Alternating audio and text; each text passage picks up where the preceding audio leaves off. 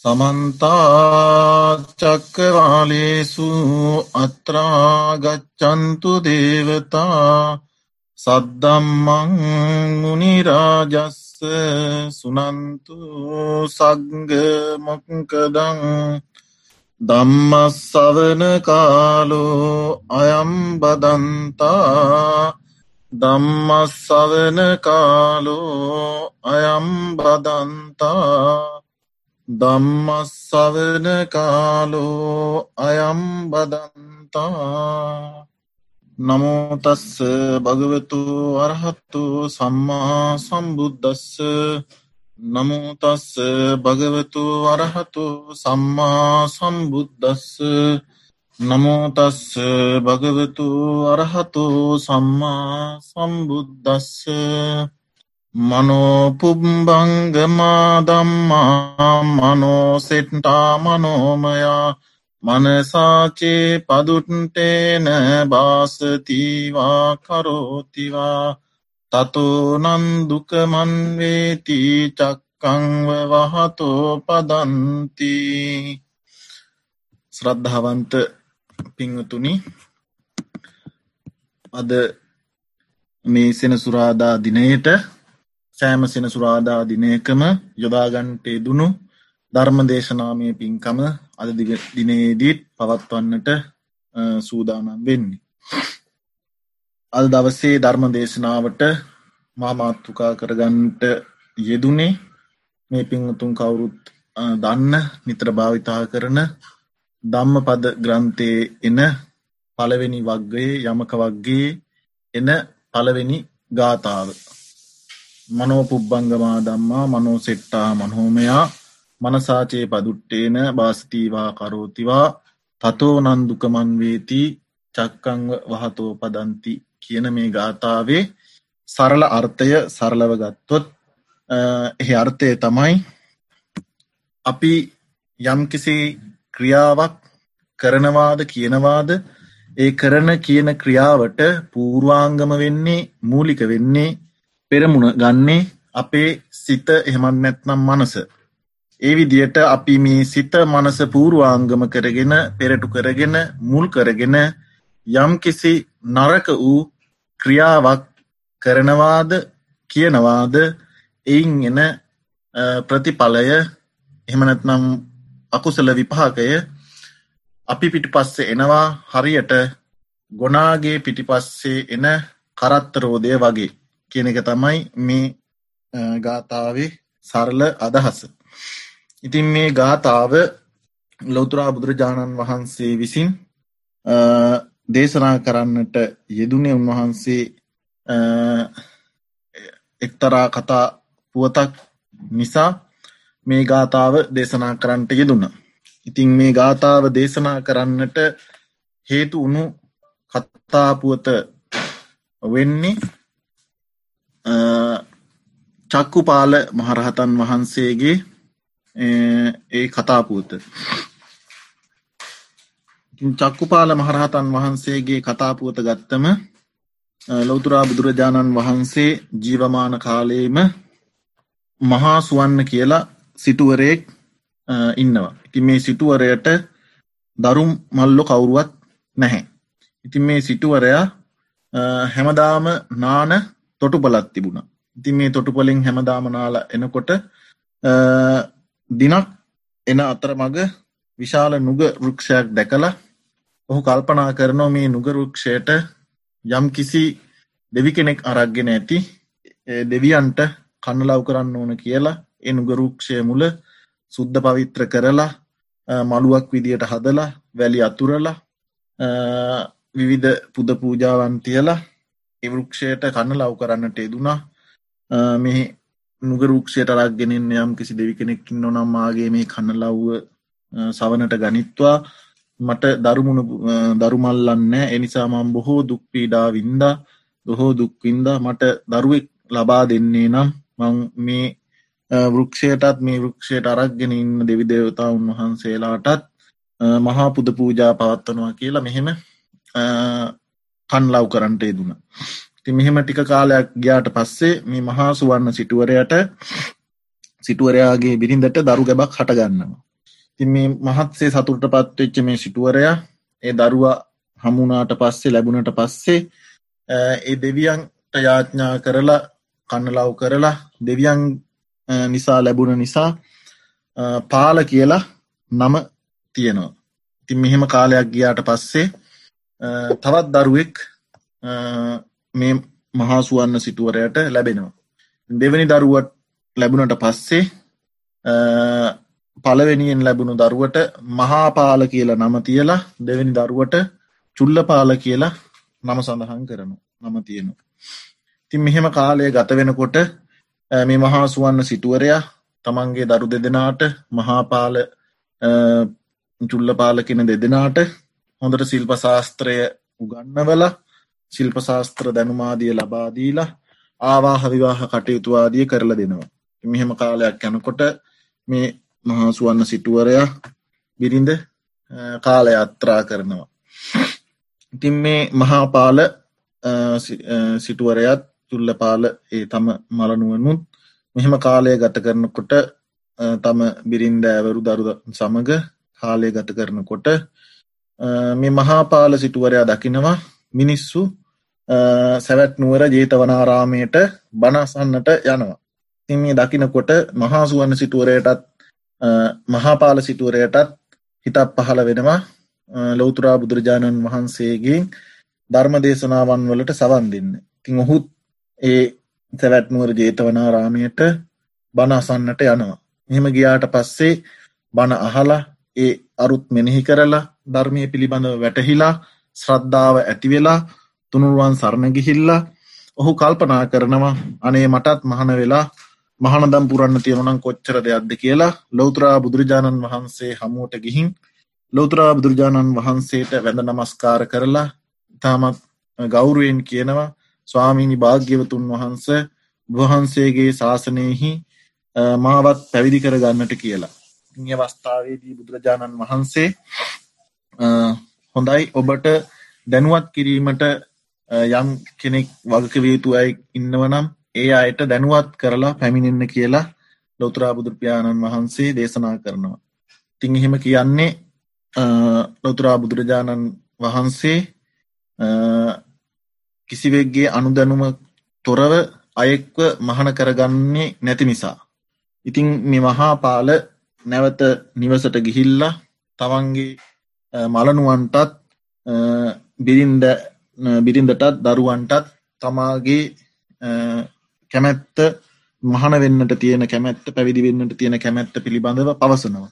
ඉතින් ඒ පවුල කිසි කෙනෙක් ඒ සඳහා කැමැත්ත පල කරන්නේ නෑ කැමැති වෙන්නේ නෑ. හැමෝගෙම අකමැත්ත ප්‍රකාශය කරනවා. නමුත් මොහුගේ බලවත් ඉල්ලීම කැමැත්ත නිසා නිතර නිතර ඇවටිලි කිරීම නිසා ඒ අයට අකමැත්තිං වුණත් ඔහුගේ කැමැත්තට ඉඩ දෙන්නට සිද්ධ වෙනවා.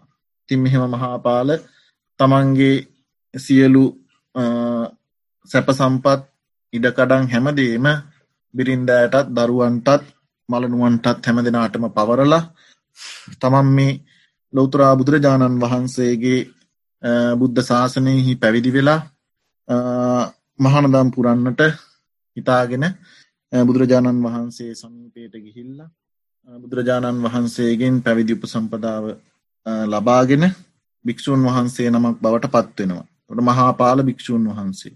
ති මහාපාල භික්‍ෂූන් වහන්සේ ආචාරඋපාධ්‍යයන් වහන්සේලා සමීපයෙහි අවුරුදු පහක් බණදහම් ප්‍රගුණ කරලා ඉවරුණාට පස්සේ ලෞතුරා බුදුපාණන් වහන්සේ හමුවට ඇවිල්ලා උන්වහන්සේට වැඳ නමස්කාර කරලා එකත් පසව හිඳගෙන ලොතුරා බුදුරජාණන් වහන්සේට පවසනවා අවසර ස්වාමීණි භාග්‍යවතුන් වහන්ස මම වසර පහක් තිස්සේ ආචාර උපාධ්‍යයන් වහන්සේලා යටතේ බණදහම් ප්‍රගුණ කරන්නට යෙදුනා මන්දැන් කැමති ධ්‍යාන වඩන්නට එමන්නත් නම් සමත විපස්සනාදී භාවනාවන් ප්‍රගුණ කරන්නට කැමතියේ සඳහා මට උපදෙස් ලබා දෙන්න කියලා ලෞතුරා බුදුපාණන් වහන්සේට ඉතාමත් ගෞරුවෙන් යුක්තව මතක් කරන්නට යෙදුනා. ති ලෞත්‍රා බුදුපාණන් වහන්සේ සඳහා අවශ්‍ය කරන උපදෙස් කමටහන්නාදිය ලබා දෙන්නට යෙදුනා. මෙහෙම ලබා දුන්නට පස්සේ මේ මහාපාල තෙරුන් වහන්සේ තවත් හැටනමක් සමග වස්කාලේ වස් සමාදන්වෙන්ට සුදුසු ප්‍රදේශයක් සොයමින් ගමන් කරන්නට යෙදුනා. මෙහෙම ගමන් කරනකොට එක්තරා ගමක ගම්වැසියන් මේ මහාපාල තෙරුන් වහන්සේ ඇතුළු සඟ පිරිස දකිනවා. දැකලා උන්වහන්සේලා සමීපයට ගිහිල්ල හමුවට ගිහිල්ල උන්වහන්සේලාට වැඳ නමස්කාර කරලා වහන්සේලා මේ කොහි වැඩම කරන්නේද කියලා විමසනවා. තිය අවස්ථාවේදී මහාපාල තෙරුන් වහන්සේ පවසනවා අපි මේ වස්කාලේ වැඩ සිරින්නට සුදුසු ස්ථානයක් සොයමින් වඩිනව කියලා පැවසුවහාම කොහේවත් ඔබ වහන්සේලා වඩින්න එපා වහන්සේලා මේ ගමෙහි වැඩ සිටින්න අපි ඔබ වහන්සේලාට ඇපුපස්ථාන සිද්ධ කරන්නන් දානමානාදී පින්දහම් අපිටත් කරගන්නට පුළුවන්කම ලැබෙනවා ඔබ වහන්සේලාගේ සියලු ඕනෑකම් එපාකම් සියලු කටයුතු අපි විසින් සිද්ධ කරන්නන් කියලා මේ ගමේ පිරිස ආරාධනා කරාට පස්සේ ආරාධනාව බාරරගෙන මහාපාර තෙරුන් වහන්සේ ඇතුළු භික්‍ෂූන් වහන්සේලා ඒ ගමිහි වස්වසන්නට කතා කරගන්නට යෙදුණ. තින් ඒ අනුව ඊට පස්සේ ඒ ගම් වැසියන් වහවහා අවශ්‍ය කුටි සක්මන් මලු මේ හැම දෙයක්ම හදලා පිළියල කරලා මහා සංගරත්නයට වැඩ ඉන්න සුදුසු පරිදි සියල්ල සූදානන් කරලා දෙන්නට යෙදුණ. ඉතින් මෙහෙම මේ හැමදේම සිද්ධ කරලා දුන්නට පස්සේ මහාපාල තෙරුන් වහන්සේ ඇතුළු මහා සංගරත්නය වස් වසන දිනේදී මහාපාල තෙරුන් වහන්සේ අනිකුත් භික්‍ෂූන් වහන්සේලා රැස් කරවල කැඳවලා ඒ හැම දෙනාගෙම විමසනවා ආයුෂ්මත්නි නුබලා මේ වස්කාලය තුළ මොනයම් ආකාරයට වස්කාලය ගත කරන්නට බලාපොරොත්තු වෙනද කියලා විමසනවා. එතකොට ඒ භික්‍ෂූන් වහන්සේලා පවසනවා ස්වාමීණි අපි මේ වස්කාලය තුළ සිව් ඉරියව්වෙන්ම ගත කරන්නට බලාපොරොත්තු වෙනව කියලා පවසනවා. එතකොට මහාපාල තෙරුන් වහන්සේ පවසනවා. ඒක හොඳයි බොහොම හොඳයි. මම සිව් ඉරියව්ව නැතුව තුන් ඉරියව්වෙන් පමණක් මේ වස්කාලයේ කටයුතු කරන්නට බලාපොරොත්තු වෙනවා. මොකද අපිට මෙහෙම බුද්ධ ශාසනයක් ලැබෙන්නේ ඉතාම දුර්ලභව අපිට මේ බුද්ධ ශාසනයන් ලැබිල තිබෙනවා. ලෝතුරා බුදුපාණන් වහන්සේ කෙනෙක් අපිට ඉන්නවා. උන්වහන්සේගේ ශ්‍රීමකයම අපිට ධර්මය අහන්නට පුළුවන්කම ලැබිල තියෙනවා.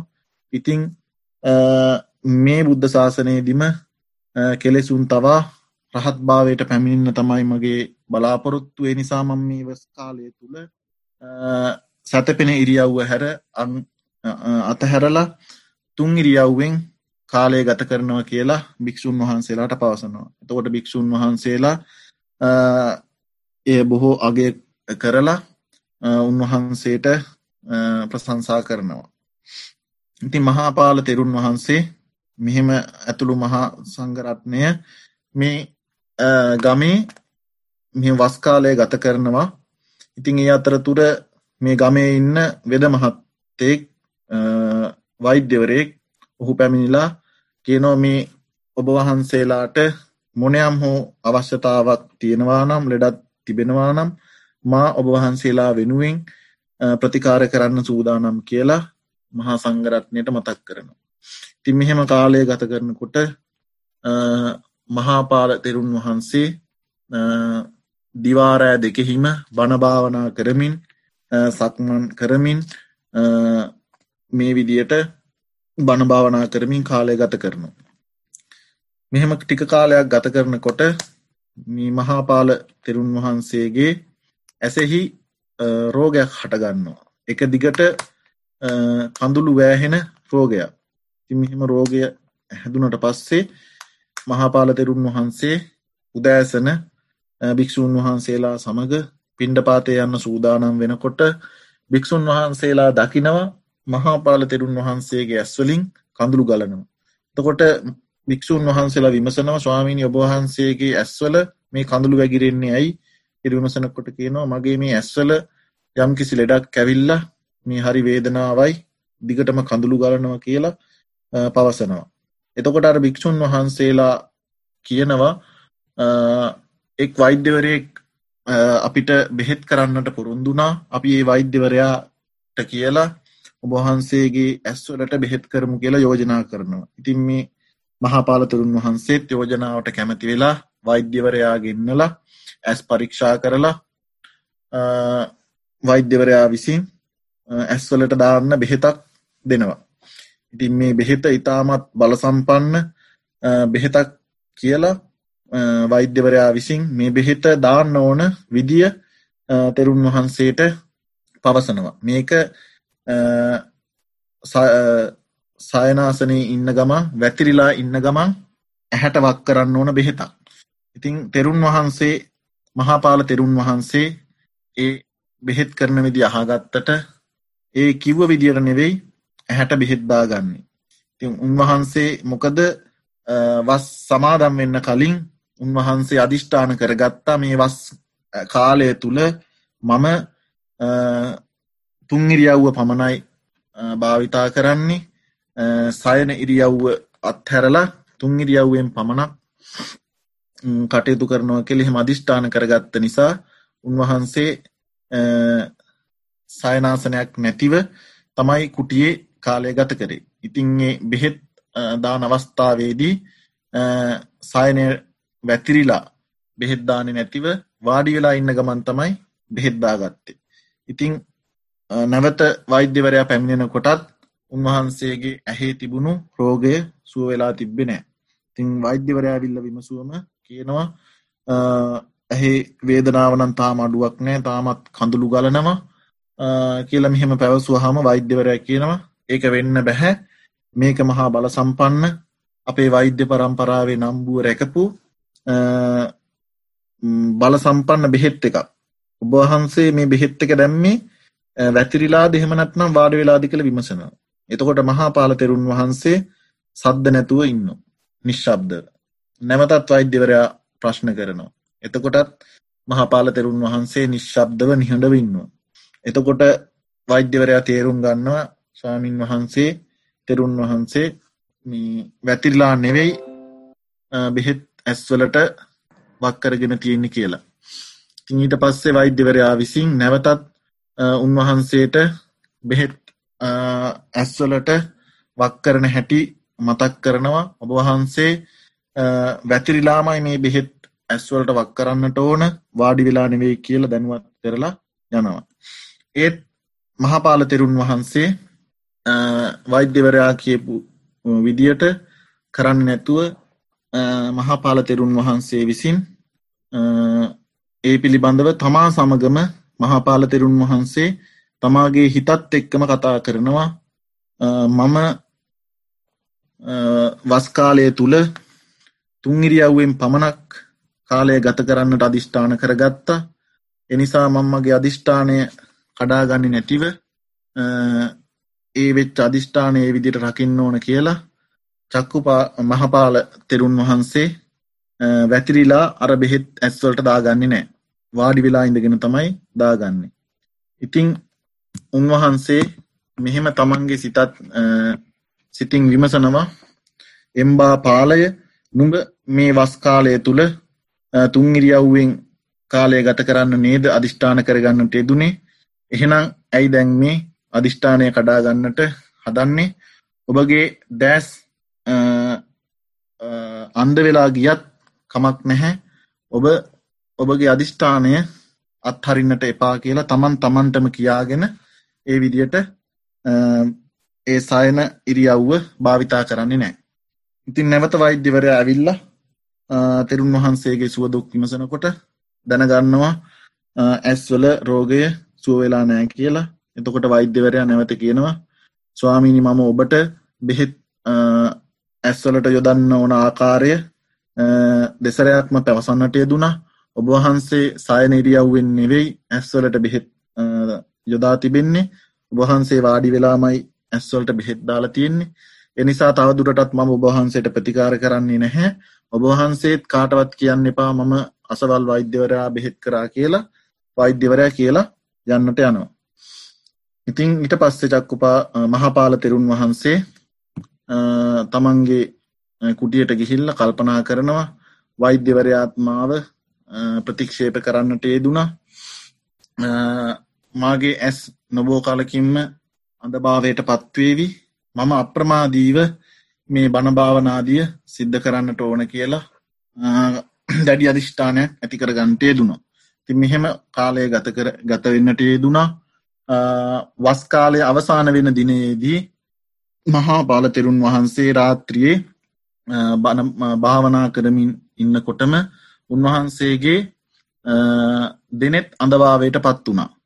ඒත් සමගම උන්වහන්සේ සියලු කෙලෙසෙන් කෙලෙසුන් නසා අර්හත් භාවයට පත්වෙන්නට යෙදුණා. ඉති උන්වහන්සේගේ ඇස් අන්ද වෙනවාත් සමගම දෙනෙත් අඳ වෙනවා අඳ වෙනවා සමගම උන්වහන්සේ සියලු කෙලෙසුන් නසා උතුම් අර්හත්වයට පත්වෙන්නට යෙදුණා.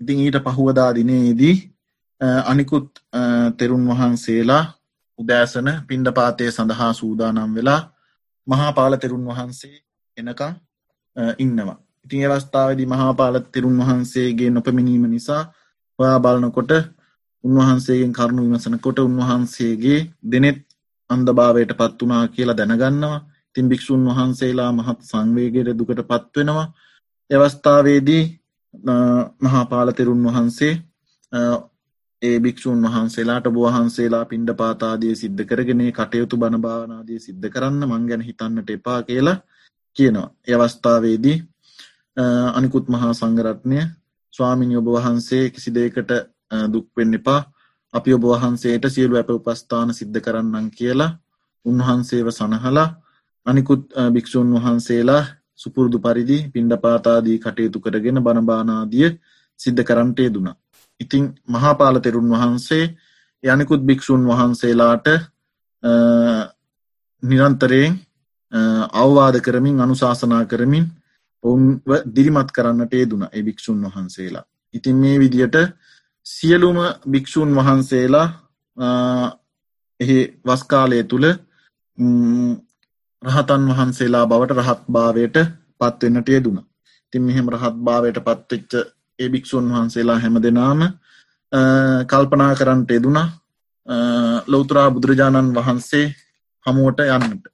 තිය අවස්ථාවේදී භික්‍ෂූන් වහන්සේලා මහාපාලතරුන් වහන්සේට භික්‍ෂූන් වහන්සේලාගේ කැමැත්ත ප්‍රකාශ කරන්නට යෙදුනා අපි ලෞතරා බුදුපියාණන් වහන්සේ හමුවට ගිහිල් උන්වහන්සේට වැද නමස්කාර කරන්නට කැමති කියලා මෙහිම කිව්වට පස්සේ මහාපාල තෙරුන් වහන්සේ ඒ වෙන පොට දෙනෙත් අඳවෙච්ච නිසා චක්කුපාල තෙරුන් වහන්සේ නමින් ප්‍රකට වෙලා ඉන්දිය. තකොට චක්කුපාල තෙරුන් වහන්සේ කියලා තමයි මහාපාල තෙරුන් වහන්සේට කියන්නට ය දෙන්නේ.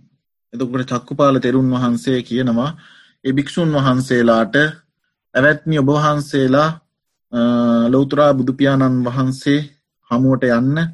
මම ඔබවහන්සේලා සමඟ එන එක කරදරකාරී වැඩක්. යන අතර මග වනාන්තරවල අමනුෂ්‍ය කරදර ඒදේවල් තිබෙනවා. සොර සතුරු කරදර ඒදේවල් තිබෙනවා. මේ අන්දමාව එක්කං ගියොත් ඔබහන්සේලාට කරදරයි. එනිසා ඔබහන්සේලා යන්න මම මෙහි ඉන්නම් කියලා ඒ විදියට පවසනවා. ඉතිං වික්ෂූන් වහන්සේලා කියනවනෑ අපි ඔබ වහන්සේවත් රැගෙන යන්නම්. කියල මෙහිම් පැවසූම තෙරුන් වහන්ස් චක්කුපාල තෙරුන් වහන්සේ නැවත පින ඔබ වහන්සේලා වැඩම කරන්න. මගදී යන අතර මග ගමේදී මාගේ මලනුවන් හමුවේවි ඔහුට මේ පිළිබඳව පවසන්න එතකොට ඔහු මාව රැගෙන යන්න කවුරු හෝ එවාවි කියලා මේ විදියට පවසනවා. ඉතිං ඒක පිළිගත්ත භික්‍ෂූන් වහන්සේලා චක්කුපාල තෙරුන් වහන්සේ කිව්ව ආකාරයට පින්ඩපාතය සඳහා ඒ ගම්වල හැසිරෙනකොට චක්කුපාල තෙරුන් වහන්සේගේ මලනුවන් චුල්ලපාල සිටුවරයා මේ භික්‍ෂූන් වහන්සේලා දැකලා අඳුන ගන්නවා මේ ඉන්නේ මගේ සහෝදර මහාපාල තෙරුන් වහන්සේ සමඟ වස්වසන්නට ගිහිපු ස්වාමීන් වහන්සේලා කියලා අඳුරගෙන උන්වහන්සේලාගෙන් එ මහාපාල තෙරුන් වහන්සේ පිළිබඳව කරුණු විමසනවා. එතකොට භික්‍ෂූන් වහන්සේලා මහාපාල තෙරුන් වහන්සේගේ හිමනත්න චක්කු පාල තෙරුන් වහන්සේගේ දෙනෙත් අඳ වුන පුවත මලනුවන්ට පවසනවා. ඉට පස්සේ ඒ චුල්ල පාල මලනුවන් චක්කුපාල මහරහතන් වහන්සේව රැගෙන එන්නට තමන්ගේ ඥාති සහෝදරයෙක්ව යොදවනවා. තිං ඒ අවස්ථාවේදී යොවුන් කල්පනා කරනවා මේ ඥාති සහෝදරයා ගිහි අයෙක් හැටියට යනවට වඩා පැවිදි අයෙක් හැටියට යනක බොහොම හොඳයි කරදර බාධක අඩුවෙයි කියලා මෙහෙම කල්පනා කරලා ඒ ඥාති සහෝදරයව මහන කරලා අඩමාසයක් විහාරස්ථානයක ඉඳලා වත් පිළිවෙත් පුරුදු කරලා මහා චුල්ලප චක්කුපාල තෙරුන් වහන්සේව රැගෙන ඉන්න පිටත් කරනවා. ඉතින් මේ ඥාති සහෝදර ඒ පැවිදිවුණු භික්ෂුව චක්කුපාල මහරහතන් වහන්සේ හොයාගෙන යනවා. එහෙම හොයාගෙන ගිහිල්ලා චක්කුපාල තෙරුන් වහන්සේ හමුවෙලා උන්වහන්සේට වැඳ නමස්කාර කරලා තමන් චුල්ලපාල සිටතුමා විසින් මෙහි එවන්නට යෙදුන කියලා කතාපුවත කියලා උන්වහන්සේ ඇප උපස්ථාන කරමින් සතියක් පමණ එහි වැඩඉඳලා චක්කුපාල තෙරුන් වහන්සේත් රැගෙන නැවත ගමට එන්නට සැවැත්නුවරට එන්නට පිටත් වෙනවා.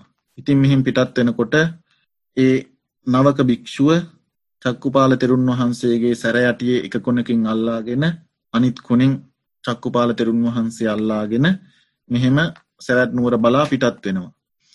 ඉතින් මේ නවක පැවිදි වුණු භික්‍ෂුව ශ්‍රද්ධාවෙන් යුක්තව පැවිදි වුණු භික්‍ෂුවක් නෙවෙයි. ඉතින් මොහු පැවිදි වුණේ චක්කුපාල තෙරුන් වහන්සේ රැගෙන එන්නට පහසු නිසා මගදී වන කරදර හිරි හැර බාධක දුරුකරගන්නට පුළුවන් වෙන නිසා තමයි අනිත් අයගේ කීමට මහනවෙන්නට යෙදුණි. තිං නිරන්තරයෙන් මේ නවක භික්‍ෂුවගේ සිත නොෙක් නොෙක් සිතුවඩිවල ගමන් කරනවා. එක් අරමුණක නැති මේ නවක භික්‍ෂුව මෙහෙම චක්කු පාල තෙරුන් වහන්සේත් රැගෙන මෙහෙම ගමන් කරනකොට වනයේදී මෙ නවක භික්‍ෂුවට ඇහෙනවා ලස්සන්ට ගී කියන කාන්තාවකගේ හඬක්. ඉතින් මේ හඬ ඇසුනට පස්සේ මොහුගේ හිත ඒ හඬෙහි බැඳෙනවා. තින් මේ නවක භික්‍ෂුව චක්කුපාල තෙරුන් වහන්සේව හිටි තැනම තියලා උන්වහන්සේට පවසනවා මට ශරීරක් කෘත්‍යයක් සඳහා යන්නට ඕන ඔබ වහන්සේ ස්වාමින් වහන්සේ මෙතනම වැඩඉන්න මන්ටක් ගාල එන්නම් කියලා මේ නවක භික්‍ෂුව අර ගීත සබ්දය ඇසුණු දිශාවට ගමන් කරනවා. ඉතින් මේ ගමන් කරන පියවර ශබ්දය අසාගෙන ඉඳපු චක්කුපාල මහරහතන් වහන්සේ කල්පනා කරනවා මේ නවක භික්‍ෂුව යන්නේ සිල් බිඳෙන ගමනක් මුහුමේ හොඳ ගමනක් නම් නෙවෙයි යන්න කියලා දැනගන්නවා. ඉතින් මේ නවක භික්‍ෂුව අර ගී කියන ගීත සබ්දය ඇසුණු කාන්තාව ඉන්න ප්‍රදේශයට ගිහිල්ල නැවත පැමිණෙනවා.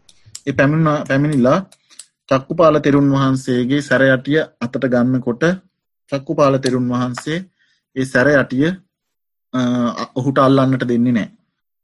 ඔබ සීලය බිඳගත්තා නේද කියලා මේ නවක භික්ෂුවගෙන් චක්කුපාල තෙරුන් වහන්සේ විමසනවා. ඉන් පසු මේ නවක භික්ෂුව ඒවස්ථාවේදී කියනවා ස්වාමීණී මේ වනයෙහි ඔබට තනියෙන් යන්නට පුළුවන් කමක් නෑ එනිසා මා සමග යන් කියලා පවසනවා. ඔබ පා නැවත් ඒ අවස්ථාවේදී චක්කුපාල තෙරුන් වහන්සේ ඔබ පාපී පුද්ගලයෙක් ඔබ සීලය බිඳගත්තා ඔබ පාපේ පවිටු පුද්ගලයෙක් අපිරිසිදු පුද්ගලයෙක් ඔබ මාගේ සැරයටි අල්ලන්නවත් වටින්නේ නැහැ ඔබස් සමග මගේ ගමනක් නැහැ කියලා පවසනවා.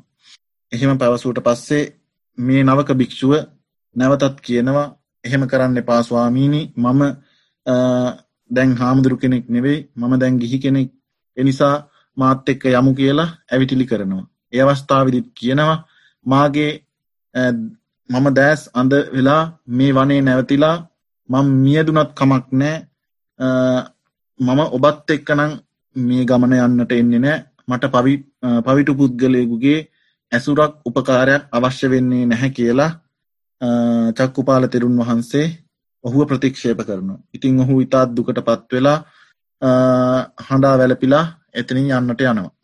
තින් චක්කුපාල තෙරුන් වහන්සේ මහා වනේ කාත් කවුරුවට නැතිව තනි වෙනවා. ඉතින් ඒ චක්කුපාල තෙරුන් වහන්සේගේ ඒ සීලාදී ගුණ බලයෙන් දෙදෙව්ලොවට අධිපති සක්‍රදේවේන්ද තුමන්ගේ කඩුපුල්ලාසනය හත්වෙනවා.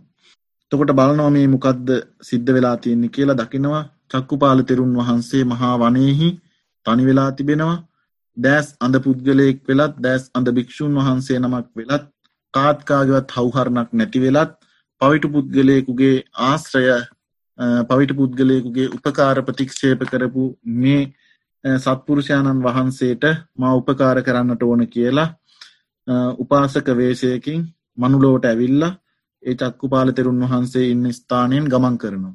තිමිහෙම ගමන් කරනකොට ඒ සබ්දය ඇසිලා චක්කු පාල තෙරුන් වහන්සේ විමසනවා පින්වත ඔබ කොහිද මේ ගමන් කරන්නේ කියලා. තිය අවස්ථාවේදී මේ මනුස්ස වේසයෙන් ඉන්න උපාසක වේසයෙන් ඉන්න සක් දෙව්තුමන් කියනවා මං මේ සැවැත්නුවරට ස්වාමීන් වහන්ස ගමන් කරන්නේ ඔබ වහන්සේ කොහිද ගමන් කරන්න කියලා නැවත විමසනවා. එතකොට කියන මමත් මේ සැවැත්නුවර යන්න තමයි ආවේ කියල මෙහෙම කතාපූත කියනවා. එතකොට මේ උපාසක වේසිෙන් ඉන්න සක් දෙව්තුමන් කියනවා මම ස්වාමීන් වහන්සේව සැවැත්නුවරට රැගෙන යන්නම් මමත් එක්ක යමු කියලා මෙහෙම ආරාධනා කරනවා. තියතකොට චක්කු පාලතෙරුන් වහන්සේ පවසනවා. ඔබ මාවත් එක්කගෙන යන්න ගියොත් මේ ගමන බොහෝ ඔබට දුස්කරවේවි බොහොම හිමින් යන්න වේවි බොහෝ කරදරවලට මුහුණ දෙන්න වේවි. එනිසා ඒක ඔබට කරදරයක්. ඔබ මේ ගමන යන්න මම කොහොමහරි එන්නම් කියලා කිව්වම මේ මනුස්සවේසයෙන් ඉන්න සක්දෙව්තුමන් කියනවා නෑ ඔබ වහන්සේට උපස්ථාන කරන්න ලැබීම මට පිනක්. ඔබ වහන්සේ රැගෙන යන එක මට පිනක්. ඒ නිසාමට පින කරගන්නට ඉඩ දෙන්නට කියලා උන්වහන්සේ කැමති කරගෙන උන්වහන්සේගේ සැරයටියේ කොනකින් අල්ලගෙන චක්කු පාලතෙරුන් වහන්සේත් රැගෙන සැවැට්නුවරට යන්නට පිටත් වෙනවා. ඉතින් මෙහෙම ටික දුරක් යනකොට බොහොම පොඩ්ඩ වෙලාවක් පොඩි දුරක් යනකොට මිනිස්සු කෑගහන ගෝසාකාරී සබ්දයක් චක්කුපාල රහතන් වහන්සේට ඇහෙනවා. ති මෙහෙම ඇහෙනකොට චක්කුපාල තෙරුන් වහන්සේ මේ පුද්ගලයගේ විමසනවා පින්වත් උපාසකය බොහෝ මිනිසුන් කෑගහන ගෝසාකාරී සබ්දැහෙනවා අපි දැම්මේ කොයි හරියද ඉන්න කියලා විමසනවා. එතකොට මේ මනුස්සවේසිෙන් ඉන්න සක්දෙවතුමන් කියනවා ස්වාමීණි අපි දැන් මේ ඉන්නේ සැවැත්නුවර කියලා. එතකොට චක්කුපාල තෙරුන් වහන්සේ කල්පනා කරනවා මේක වෙන්න බැරි දෙයක් ඉතාම සුළු වේලාවකින් සැවැත්නුවරට එන්න පුළුවන්කමක් නෑ මේ නම් මනුස්සෙක් වෙන්න බෑ කියලා මෙහෙම මේ දෙවි කෙනෙක් කියලා චක්කුපාල තෙරුන් වහන්සේ අනුමාන කරන්නට යෙදුණා. ඉතින් මෙහෙම චක්කුපාල තෙරුන් වහන්සේව සැවැත් නුවරට එක්කරගෙන එනකොට ඒ ගමේ තමන්ගේ මලනුවන් චුල්ලපාල සිටුවරයා දකිනම චක්කුපාල තෙරුන් වහන්සේ වැඩම කරලා ඉන්නවා. ඉතිං චුල්ලපාල තෙරුන් වහන්සේ චුල්ලපාල සිටුවරයා ඉතාමත් දුකට පත් වෙලා උන්වහන්සේට වැඳ නමස්කාර කරලා උන්වහන්සේගේ කටයුතු සිද්ධ කරන්නට ඇප උපස්ථාන කරන්න සිද්ධ කරන්නට පිරිස් යොදවනවා. ඉතින් මෙහෙම කාලය ගත වෙලා ටික් කාලයක් යනකොට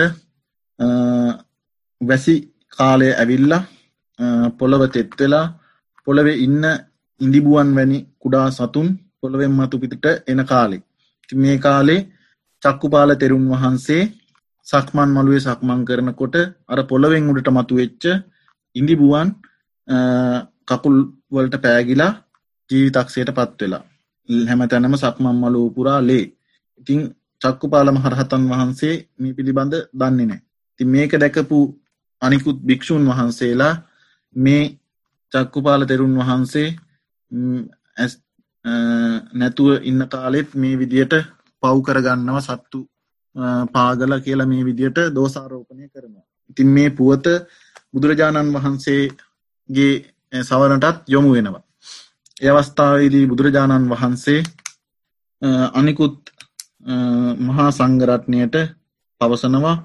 සීනාස්ත්‍රවයන් වහන්සේලා විසින් දැන දැන අකුසල් සිද්ධ වෙන්නේ නැහැ. දැන දැන පව් සිද්ධ කරන්නේ නැහැ. මේක උන්වහන්සේ නොදැන සිද්ධ වෙච්ච දෙයක් කියලා කරුණු විමසල දෙනවා. එතකොට අනිකුත් භික්‍ෂූන් වහන්සේලා පවසනවා. මහරහත් රහත් භාවයට පත්වෙන්න තරම් පිනති බිලත් චක්කුපාල තෙරුන් වහන්සේ අන්දභාවයට පත්වනේ දෙනෙත් අඳුනේ ඇයි කියලා ලෞතරා බුදුපාණන් වහන්සේගෙන් විමසනවා. ඒ අවස්ථාවේදී ලෞතරා බුදුපාණන් වහන්සේ ඒ අතීතය කතාපුවත මේ චක්කුපාල තෙරුන් වහන්සේගේ දෙනෙත් අන්ද වෙන්නට සිද්ධ වුණු කතාපුවත අතීතයේ සිද්ධ වුණුවේ කතාපුවත අතීතාත්මයක සිද්ධ වුණුවේ කතාව භික්‍ෂූන් වහන්සේලාට පවසනවා. දිගේ කතාපුවතේ එන විදියට මේ චක්කුපාල තෙරුන් වහන්සේ ඒ ආත්ම භාවයෙහි දක්ෂ අක්ෂි වෛද්‍යවරයෙක් තිම්හු ඇස් වෙදකම තමයි සිද්ධ කරන්නේ. ඉතිං මේ වෛද්‍යවරයා සමීපයට ආපු අන්ද කාන්තාවක් පවසනවා. තමන්ගේ ඇස් දෙක කොහොමහරි සනීප කරලා දෙන්න. සනීප කරලා දුන්නොත් මමයි මගේ දවා දරුවනුයි. ඔබහන්සේගේ සේවකයෝ විදියට ඔබවහන්සේ ළඟ වැඩ කරනවා කියලා මේ වෛද්‍යවරයට ඒ කාන්තාව පවසනවා. ඉතින් ඒ පිළිබඳව බොහෝ සතුරට පත්වෙච්ච මේ වෛද්‍යවරයා එක් බෙහෙතෙන්ම එක පාරින්ම මේ කාන්තාවගේ ඇස් සුවපත් භාවයට පත් කරනවා. ඉතිං මෙහෙම සුවපත් භාවයට පත් වනාට පස්සේ මේ කාන්තාව වෙච්ච පොරොන්දුව ඒ විදියට ඉෂ්ට කරන්නේ නෑ තින් මේ කාන්තාව කල්පනා කරනවා මම ඒ වෙලා එහෙම පොරොන්දුනාට මට මේ කරන්න පුළුවන් දෙයක් නෙවෙයි ආයකො වෛද්‍යවරය හමුවෙන්න ගියාම කියනවා මගේ ඇස් දෙක තාමත් පෙර පරිදිමයි පේනෙ නෑ කියලා කියනවා කියලා හිතාගෙන ඔහොම වෛද්‍යවරය හමුවට ගියාම වෛද්‍යවර විමසනෝ දැන් කොහොමද කියලා ඇස්වල තත්ත්වතකොට කියනවා අනේ වෛද්‍යතුමනි මගේ ඇස් පෙර වගේමයි තාමත් පේන්නේ නැහැ කියල මෙහෙම කිව්වට පස්සේ වෛද්‍යවරය දැනගන්නවා මේ කාන්තාව කපටි කාන්තාවක් මේ කාන්තාව කරන්නේ බොරුවක් මෙයා කරන්න මේ වංචාවක් කියලා දැනගන්න වෛද්‍යතුමන් කේන්තීට පත්වෙලා කරන්නම් හොඳ වැඩක් කියලා නැවත ඇස් දෙක මන්ද වෙන්න බෙහෙතක් හදලා එහෙනම් මෙන්න මේ බෙහෙත් එක දාන්න ඇස් හොඳට පෙනේවි කියලා මේ බෙහෙත් එක දෙනවා ඉතින් මේ කාන්තාවේ බෙහෙත් වැැක්කුරුවට පස්සේ සදහටම අර සනීප වෙච්ච ඇස් දෙක අන්දභාවයට පත්වෙනවා. ඉතින් ඔන්න ඔය කරපු අකුසල කර්මය නිසා තමයි ඒ චක්කුපාල මහරහතන් වහන්සේට රහත් භාවයට පත්වෙන ආත්ම භාවේදිත් නිවන් අවබෝධ කරගන්න ආත්ම භාවය දක්වාම ඒ අකුසල විපාකය හැමාත්ම භාවයක් පිටි පස්සෙම පැමිණෙනට යෙදුනි. තිගේ අවස්ථාවේදි තමයි බුදුරජාණන් වහන්සේ ඉහතදී කියන්නට යෙදුණු මනෝපුබ්බංගමා දම්මා මනෝ සෙට්ටා මනෝමයා මනසාචේ පදුට්ටේන බාසතීවා කරෝතිවා තතෝ නන්දුකමංවේති චක්කංග වහතෝ පදන්ති කියන ඔය ගාථාව දේශනා කරන්නට යෙදුණි. ඉතින් ඒ ගාථාව එන අර්ථය අපි හිතදී කියන් සරලාර්ථය කියන්නට යෙදුණ.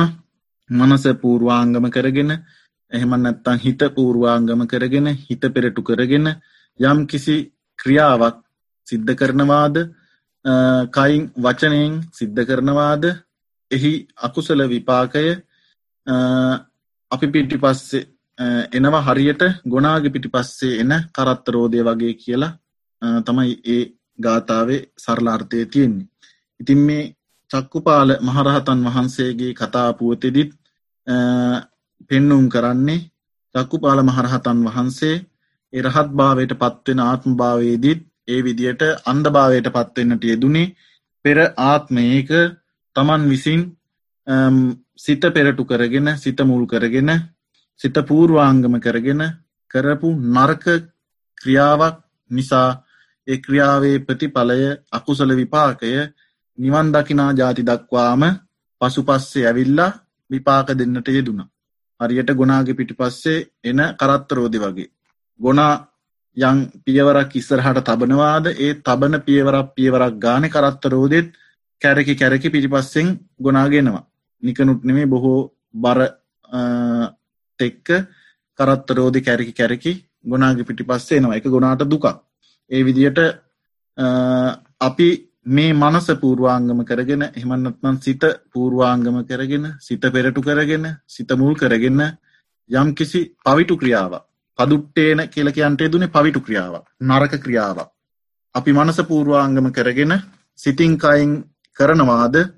එහි විපාකය. කුසල අකුසල එහි අකුසල විපාකය. අපේ පිටි පස්සේනවා හරියට ගුණාග පිටි පස්සෙන කරත්තරෝදි වගේ. තිං එහෙමනං අපි කල්පනා කරන්නට ඕන අපේ මේ සිත බොහෝම අපි කරන හැම කටයුත්තකදීම පූර්වාංගම් වෙන්න පෙරටු වෙන්නේ මුල් වෙන්න මේ සිත. අපි යම්කිසි ක්‍රියාවක් කරන්නට ඕන කියලා මුලින්ම අපි කරන්නට කලින් ඒ බව හිතනවා. මේ අපි කරන්න ඕොන්ද නැද්ද කියලා අපි හිතනවා. අන්නේ එන සිතුවිල්ල තමයි ඔය පූර්වාංගම වෙන්න යම්කිසි ක්‍රියාවකට.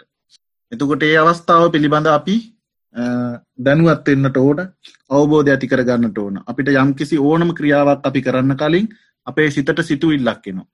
ඒන සිතුවිල්ල අපි හොඳ සිතුවිල්ලත්ද නරක සිතුවිල්ලත්ද කියලා තෝරා බේරා ගත්තොත් තෝරා බේරා ගන්නට අපි උත්සුක වෙනවනම් අපි අතින් සිදුවෙන එවැන් පවිටු ක්‍රියාවන් යම් කිසි අපිට පවිටු ක්‍රියාවක් එහමන්නම නරක ක්‍රියාවක් සිද්ධ කරන්නට අපේ හිත මනසට පූරු යම් කිසි සිතුවිල්ලක් එනකොට ඒ අපි හඳුන ගත්තොත් අපි තුළින්ගේ නර්ක සිතුවිල් ක්‍රියාව එමන්නත් නම් ඒ අකුසල ක්‍රියාව සිද්ධ වෙන්නේ නෑ. ඉතිං ඒ විදියට අපි කල්පනා කරන්නට ඕන අපි එද්දියදා ජීවිතයේදී කරන සෑම කටයුත්තකදිම මේ මනස කියන එක මේ සිත කියන එක පෙරටු වෙනවා මුල් වෙනවා. ඉතින් ඒ මුල් වෙන අවස්ථාවේදී අපි තීරණය කරන්නට ඕන ඒ කරන ක්‍රියාව හොඳ ක්‍රියාවක්ද නරක ක්‍රියාවක්ද මේක කළ යුතු ක්‍රියාවක්ද මේක නොකළ යුතු ක්‍රියාවක්ද කියලා තෝරා බේරා ගන්නට අපි පරීක්ෂාකාරී වෙන්නට ඕන.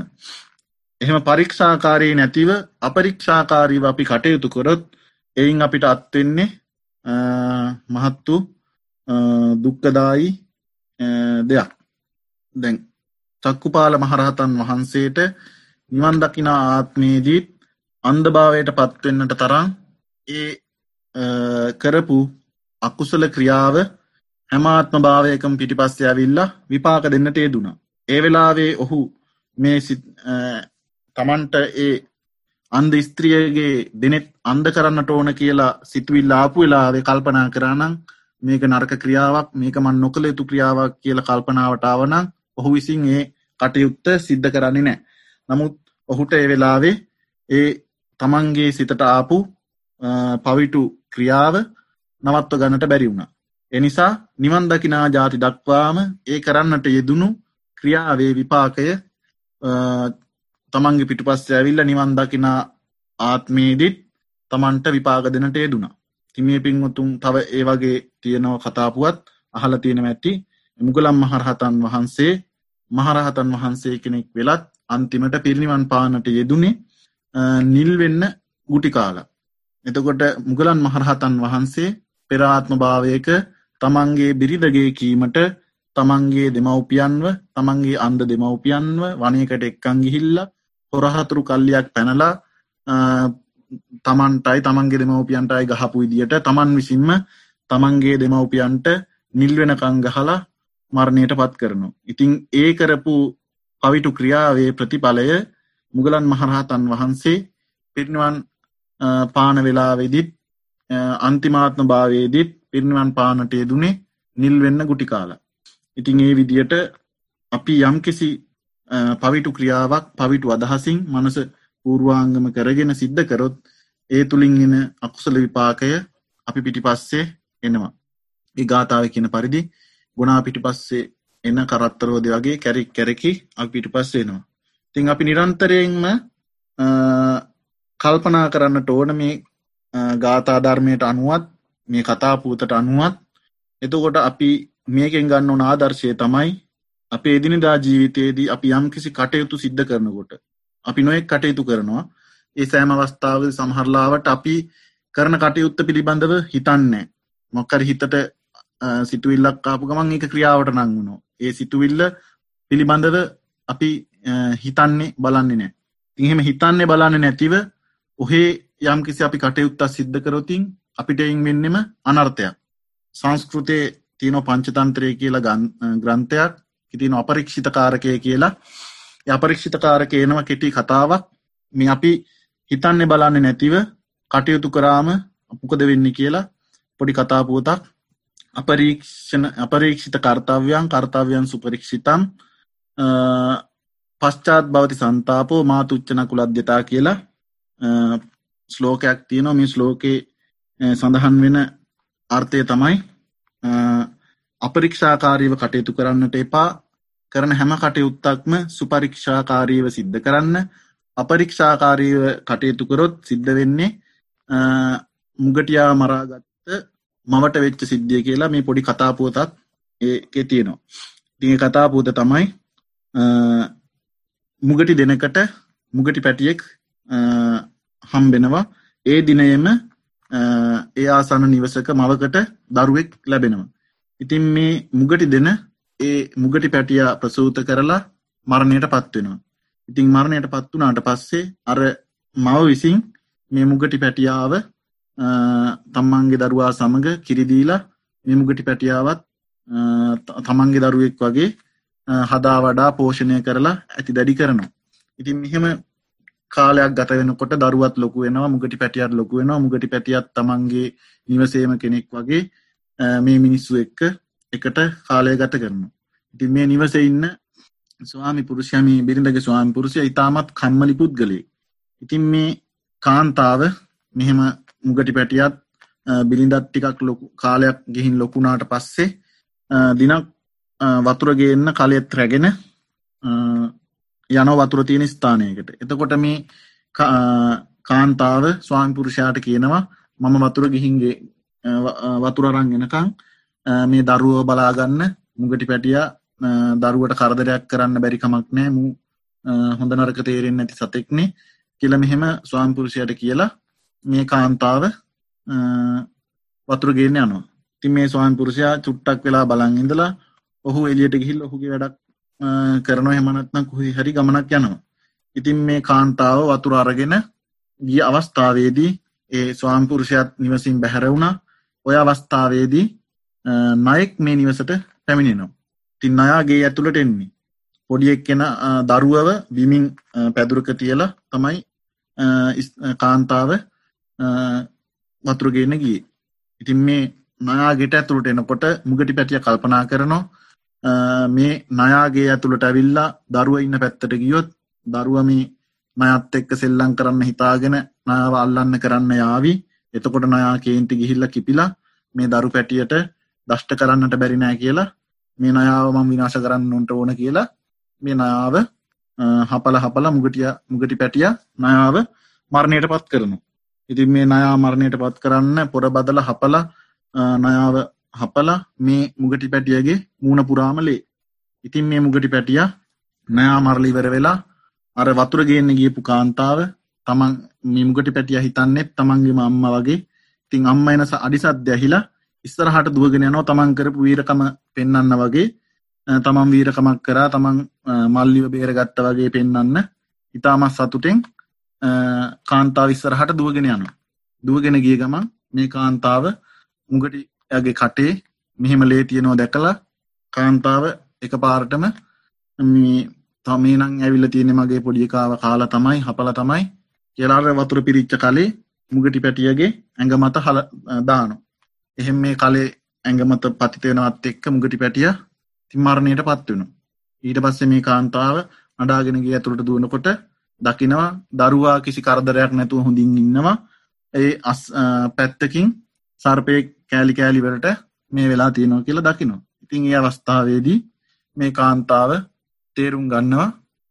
මුගටි පැටියා දරුවට හානියක් කරල නෑ දරුව බේර ගනිපුවක් කරලා තියෙන්නේ. අනේමං මෝඩ වෙලා ඉස්සර වෙලා මම් දරුවෙක් වගේ හදාගත්තු මගේ මුගටි පැටියව මං විනාස කර ගත්තා නේද කියලා මහාත්සේ දුකට පත්වෙනවා. ඉතිං ඒව කතාවේ අපිට ගන්න තියෙන ආදර්ශය තමයි අපරීක්ෂාකාරීව කටයුතු කරාම සිද්ධ වෙන දේ තිගේ කාන්තාව හොයන්නේ බලන්නේ නැතිව කිසිම පරීක්ෂාකාරීත්වයක් නැතිව අපරීක්ෂාකාරීව ඉක්මං වෙලා ඒ ගත්තු කරපු දේ නිසා තමන් දරුවෙක් වගේ හදපු මුගටි පැටියව මරාගන්නට යෙදුනා. ඉතිං ඒ විදියට අපිත් එදිනදා ජීවිතයේදී කරන කියන කටයුතු පරීක්ෂාකාරීව සුපරීක්ෂාකාරීව කරන්නට ඕන එහෙමත් නැත්නම් අපි අපරීක්ෂාවකාරීව කටයුතුකොරොත් අපටත් සිද්ධ වෙන්නේ අර කතාපුවතේ වගේ දේවල් තමයි අපිට සිද්ධ වෙන්න. එවගේ තමයි ඒ අපි ධර්මයට අනුව ගලපල ගත්තම අපි එදිනදා ජීවිතයේදී කරන කියන කටයුතු යම් කිසි සිතිං කරන කටයුත්තක් කයින් කරන කටයුත්තක් වචනයෙන් කරන කටයුත්තක්. මේ හැම දෙයක්ම කරන්න කලින් අපේ සිතට එනව සිතුවිල්ලා. එක තමයි මේ ගාථාවෙන් කියන්නේ මනෝ පුබ්බංගමා දම්මා මනෝ සෙට්ටා මනෝමයා ඒ කරන සෑම ක්‍රියාවකටම සිතිං කයින් වචනයෙන් කරන මේ ඕනෑම ක්‍රියාවකටම මූලික වෙන්නේ අපේ සිත. අපේ අතපයවත් ඒ කිසි දෙයක්වත් නෙවෙයි අපේ හිත තමයි ඉස්සෙල්ලම මූලික වෙන්නේ. ඉතින් ඒ අපි හිත මුල් කරගෙන යම් කිසි අකුසල කටයුත්තක් පවිටු කටයුත්තක් සිද්ධ කරනවාද ඒ අපේ ජීවිතයට මහත් දුක් පමුණවනවා. සංසාරය පුරාවට අපිට බොහෝ අකුසල විපාකයන් ළඟා කර දෙනවා. ඉතින් ඒ වගේම තමයි අපි හිත පෙරටු කරගෙන මුල් කරගෙන යම් කිසි හොඳ ක්‍රියාවක් කරොත් ඒ හොඳත් අපේ පිටි පස්සේ ඒ කුසල විපාකත් අපේ පිටි පස්සේ නිවන් දකිනාතුරු පැමිණෙනවා. ඉතින් අපි මේකෙන් කල්පනා කරන්නට ඕන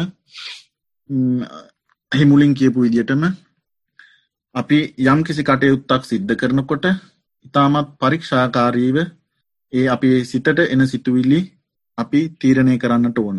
අපි මේක කළ යුතු දෙයක්ද නොකළ යුතු දෙයක්ද යනාදී වසේ එනිසා අපි නිරන්තරයෙන් දැනුවත්වෙන්නට ඕන අපි යම් කිසි කටයුත්තක් සිද්ධ කරනකොට පරීක්ෂාකාරීව ඒ කටයුත්ත සිද්ධ කරන්නට. එහෙමත් නැත්තං අපේ ඒ හිතට එන සිතුවිල්ල පිළිබඳව අපි හිතින්ම හිතන්නට ඕන. මේ දේ අපි කළ යුතු දෙයක්ද නොකළ යුතු දෙයක්ද? මේ දේ සිද්ධ කිරීම තුළින් අපිට කුමක් වේවිද? මේ දේ සිද්ධ කිරීම තුළින් අපිට පිනක් වේවිද පවක් වේවිද කියලමී විදිට අපි තෝරා බේරා ගන්නවනං අපි යම් කිසි ක්‍රියාවක් කරන්න කලින් අපේ සිතුවිල්ල අපි හොඳ සිතුවිල්ලද නරක සිතුවිල්ලත් දෙ කියලා තෝරා බේරා ගන්නවනම් අපේ තුළින් සිදුවෙන නරක ක්‍රියාවන් පවිටු ක්‍රියාවන් අකුසල ක්‍රියාවන් බොහෝ දුරට අපිට නැති කරගන්නට අවම කරගන්නට පුළුවන්කම ලැබෙනවා. ඉතිං අපි ඒ විදියට නිරන්තරයෙන් අපේ හිත පූර්වාංගම කරගෙන අපේ හිත පෙරටු කරගෙන අකුල් උසල සිතුවිලි නැතුව කුසල සිතුවිලි කරන්නට අධිෂ්ඨාන කරගන්නට ඕන. ඉතිං ඔය කතාවලින් ගන්න තියෙන ආදර්ශය ඒ විදියට අපේ ජීවිතවලට අපි ගන්නට ඕන. තිය නිසා අද දවසේ හැම දෙනාටම මේ මෙතෙක් වෙලා මේ ධර්මශ්‍රවනය කිරීම තුළින් ලබාගන්නට යෙදුණු පුුණ්ඥානිසංස බලයෙන් අදවසේ ධර්ම දේශනාව ශ්‍රවනය කරන්නට සහ සම්බන්ධ වෙන්නට යෙදුණු සියලූම පින්වතුන්ට මේ ධර්මශ්‍රවනානිසංස බලයෙන් හැම දෙනාගේම ජීවිතවලට නිදුක් නීරෝගී සුවපත්භාවේ චිරජීවනය සෙත සාන්තයේ යහපත අභිවෘද්ධිය උදාවෙන්නට මේ කැස්කර ගන්ටේ දුනු සියලු පින්කුසල් හේතුවේවා වාසනාවේවා හැම දෙනාගේම යහපත් වූ සිතුම් පැතුම් බලාපොරොත්තු එයරින් මිෂ්ට සිද්ධ වෙන්න මේ පින්කුසල්ලා සිරවාදයක් වේවා. හැම දෙනාම කරන කියන වැඩ කටයුතු බණභාවනාදී කටයුතු ධර්මධ්‍යනාදී කටයුතු දිනෙන් දින සර්ව ප්‍රකාරයෙන් සාර්ථකත්වයට පත්වෙන්න දියුණුවෙන් දියුණුවට පත්වෙන්න මේ පින්කුසල් ආසිර්වාදයක් වේවා. ජීවිත අවසන බුදු පසේ බුදු මහරහතන් වහන්සේලා පැමිණි වැඩ වදාළ උතුම් වූ අමා මහනිවනින් සැනසෙන්න්නටත් හැම දෙනාටම අදවසේ මේ සිද්ධ කරන්ටේ දුනා වූ ධර්මානු ධර්මශ්‍රවනාමය පින් පුුණ්ඥානිසන්සය හේතුවේවා වාසනාවේවා යන පාර්ථනාවෙන් යුක්තව නිවම් පාර්ථනා කරගෙන වැඳගන්න. අභිවාදන සිලිස්ස නිච්චං උද්ධාපචායිනෝ චත්තාරෝ දම්මා වඩ්ඩන්ති ආයු වන්නෝ සුකම්බලං ආයුරාරෝග්‍ය සම්පත්ති සග්ග සම්පත්ති මේවච අතෝ නිබ්භාන සම්පත්ති ඉමිනාතේ සමින්ජතු හැම දෙනාටම තෙරුවන් සරණයි